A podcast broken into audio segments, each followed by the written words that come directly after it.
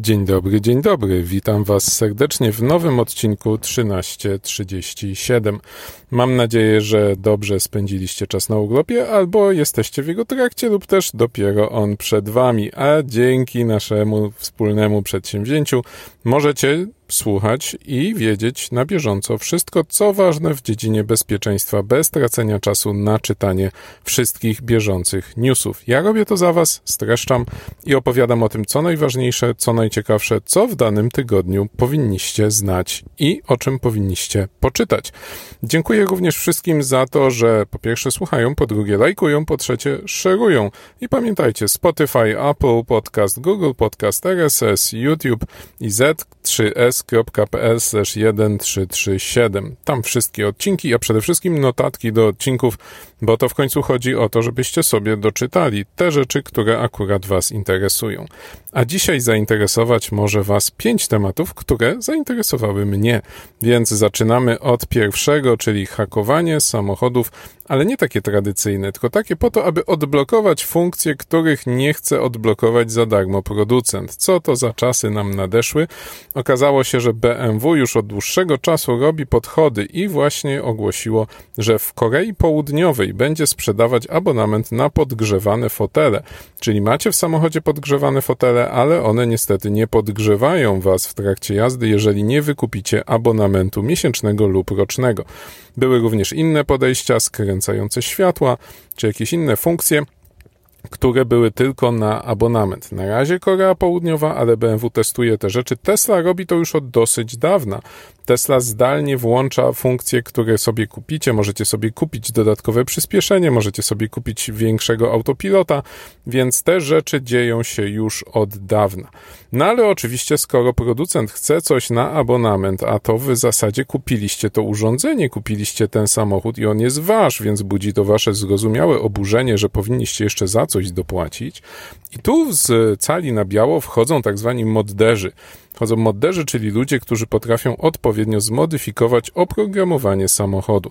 Potrafią nie tylko dostać się do tego oprogramowania, które jest coraz lepiej zabezpieczane przez producenta, ale potem potrafią je jeszcze mm, przeanalizować, przeprowadzić proces analizy wstecznej, znaleźć te fragmenty, które odpowiadają za włączanie, wyłączanie konkretnych funkcji i je zmodyfikować, żeby było dobrze. Więc modderzy potrafią robić bardzo różne ciekawe rzeczy. Na przykład potrafią włączyć funkcje w samochodzie, które za wyłączone są na rynku unijnym, bo na przykład BMW nie ma zgody regulatora e, unijnego na pewne funkcje. Mogą na przykład włączyć e, funkcję CarPlay, którą kiedyś BMW sprzedawało jako abonament to już można klasyfikować chyba jako zbrodnię przeciwko ludzkości, żeby tak podstawową funkcję jak integrację telefonu z samochodem sprzedawać jako abonament. Hakerzy potrafią też dodawać funkcje do samochodu i to jest naprawdę fajne, czyli producent czegoś nie dał w samochodzie, klienci chcą to mieć i ci moderzy są w stanie doklikać odpowiednie funkcje i wgrać je do waszego samochodu. Więc na przykład w przypadku BMW można sobie zażyczyć taką funkcję jak y, krótkie bipnięcie klaksonu przy zamykaniu i otwieraniu samochodu, żebyście mieli potwierdzenie potwierdzenie, e, potwierdzenie słuchowe tego, że guzik zamykania, otwierania zadziałał, albo na przykład funkcję automatycznego zamykania okna w samochodzie, wszystkich okien, w momencie, gdy zamykacie samochód. No, nie, nie wszyscy producenci samochodów takie rzeczy obiecują albo dają. Albo na przykład jeszcze wyłączanie ostrzeżeń, które wyświetlają się przy uruchomieniu samochodu.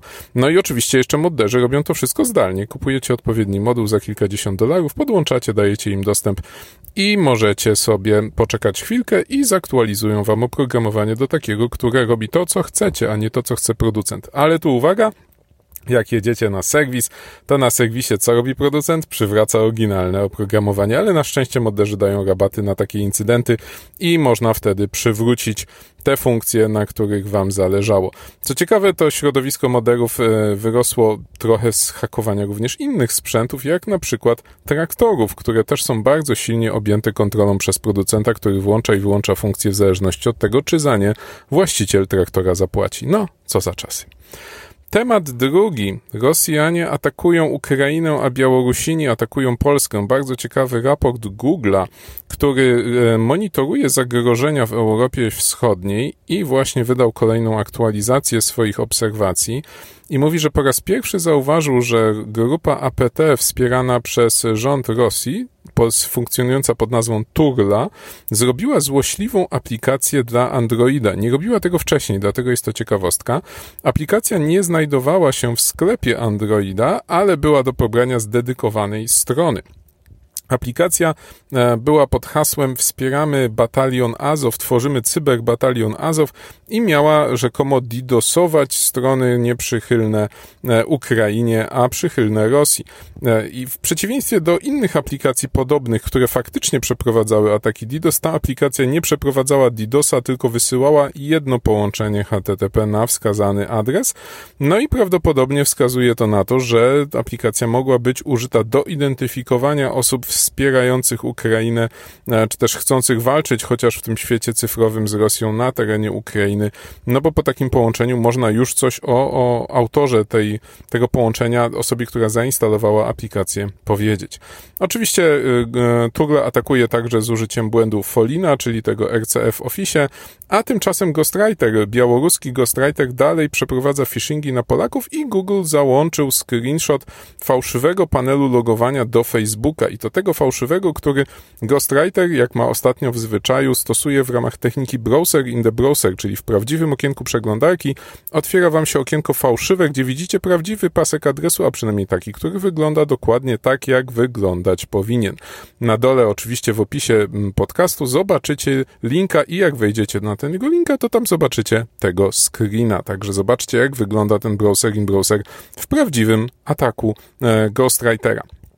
A jeżeli już mówimy o wschodzie, to nie, nie, to nie możemy ominąć faktu, że Rosjanie zhakowali ukraińskie stacje radiowe online i nadano w kilku stacjach nadających w internecie komunikat, że Zełański jest w stanie krytycznym w szpitalu. To jest dosyć ciekawe, bo to wymaga naprawdę dużo pracy, żeby taki atak przeprowadzić. Wymaga odpowiedniego nagrania komunikatu, wymaga włamania, wymaga nadania tego komunikatu, koordynacji tych prac. A jaki tego jest efekt? No efekt tego jest taki, że oprócz tego, że ja wam o tym powiem i pewnie paru ekspertów od bezpieczeństwa tego obszaru doda kolejne slajdy do swoich prezentacji i to tyle, bo Zełański zaraz nagrał filmik, że wszystko z nim jest ok i to cały efekt tego, tego wyrafinowanego i pracochłonnego działania włamywaczy, więc po co to wszystko?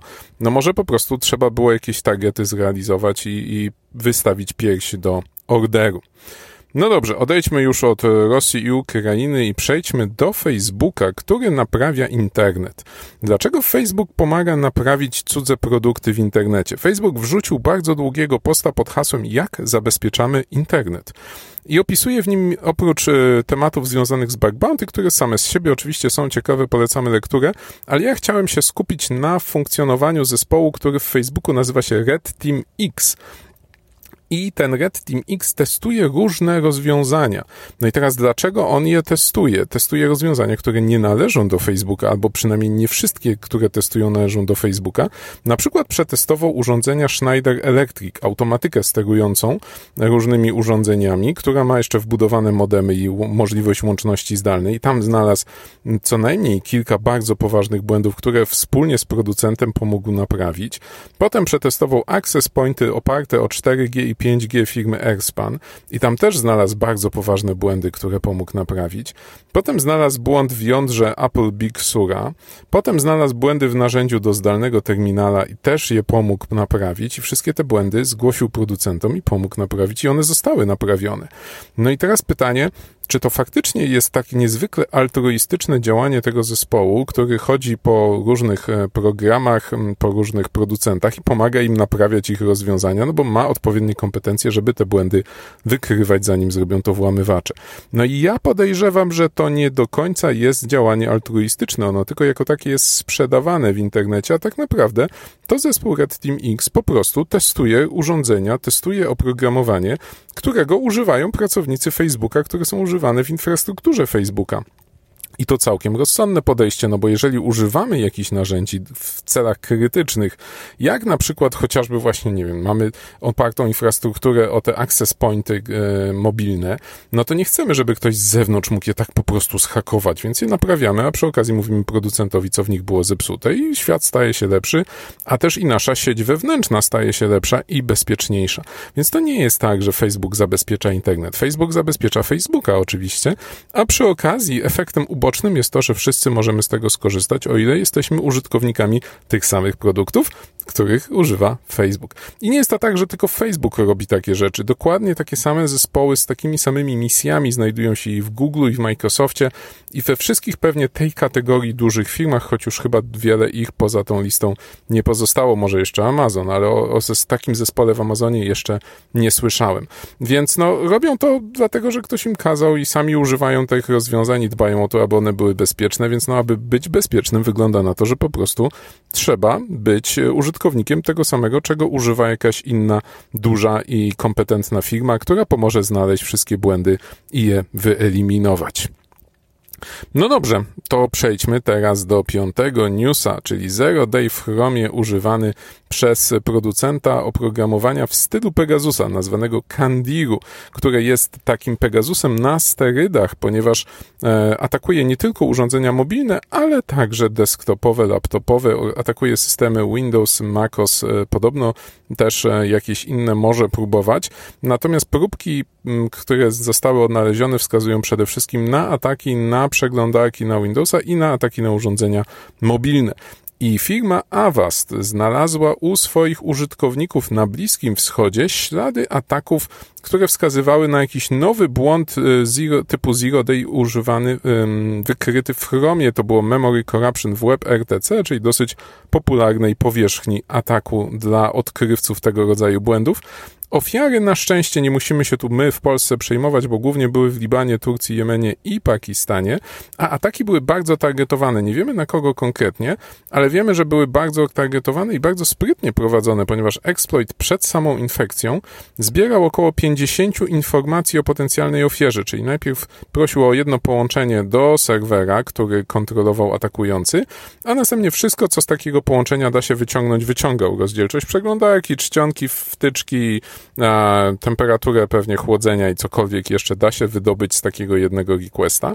Następnie wysyłał tego zero day'a i nie zabezpieczał go tylko przez SSL-a, ale ustawiał specjalny szyfrowany kanał kluczem RSA, e, aby chronić e, sam kod zero day'a, aby trudniej go było wydobyć z ruchu sieciowego, gdyby ktoś taki ruch rejestrował.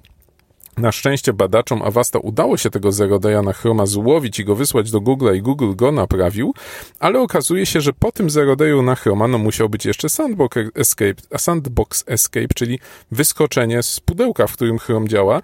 I tego exploita niestety nie udało się Avastowi wydobyć, bo exploit był dodatkowo zabezpieczony, a skoro Google nie był w stanie go wydobyć, no to znaczy, że jednak Candiru dobrze przemyślało tę strategię dostarczania ataku na komputery ofiar. Niestety producenci alternatywnego do Pegasusa oprogramowania mają się bardzo dobrze e, i sprzedają swoje produkty, tak samo jak sprzedawał mm, je NSO, producent Pegasusa, więc ten rynek kwitnie na nieszczęście dla zwykłych użytkowników. To wszystkie newsy na dzisiaj. Pamiętajcie, żeby klikać tam te guziczki like, subscribe, dzwonek i tam potem jeszcze opcja pokazuj mi wszystkie informacje. Pamiętajcie też, że dzisiaj nie ma rozmowy kontrolowanej. Rozmowa kontrolowana wraca dopiero we wrześniu a ja będę starał się Wam Adam 1337 serwować co tydzień, abyście nie musieli wszystkiego czytać, bo ja czytam wszystko i to, mam nadzieję, wystarczy. Do usłyszenia.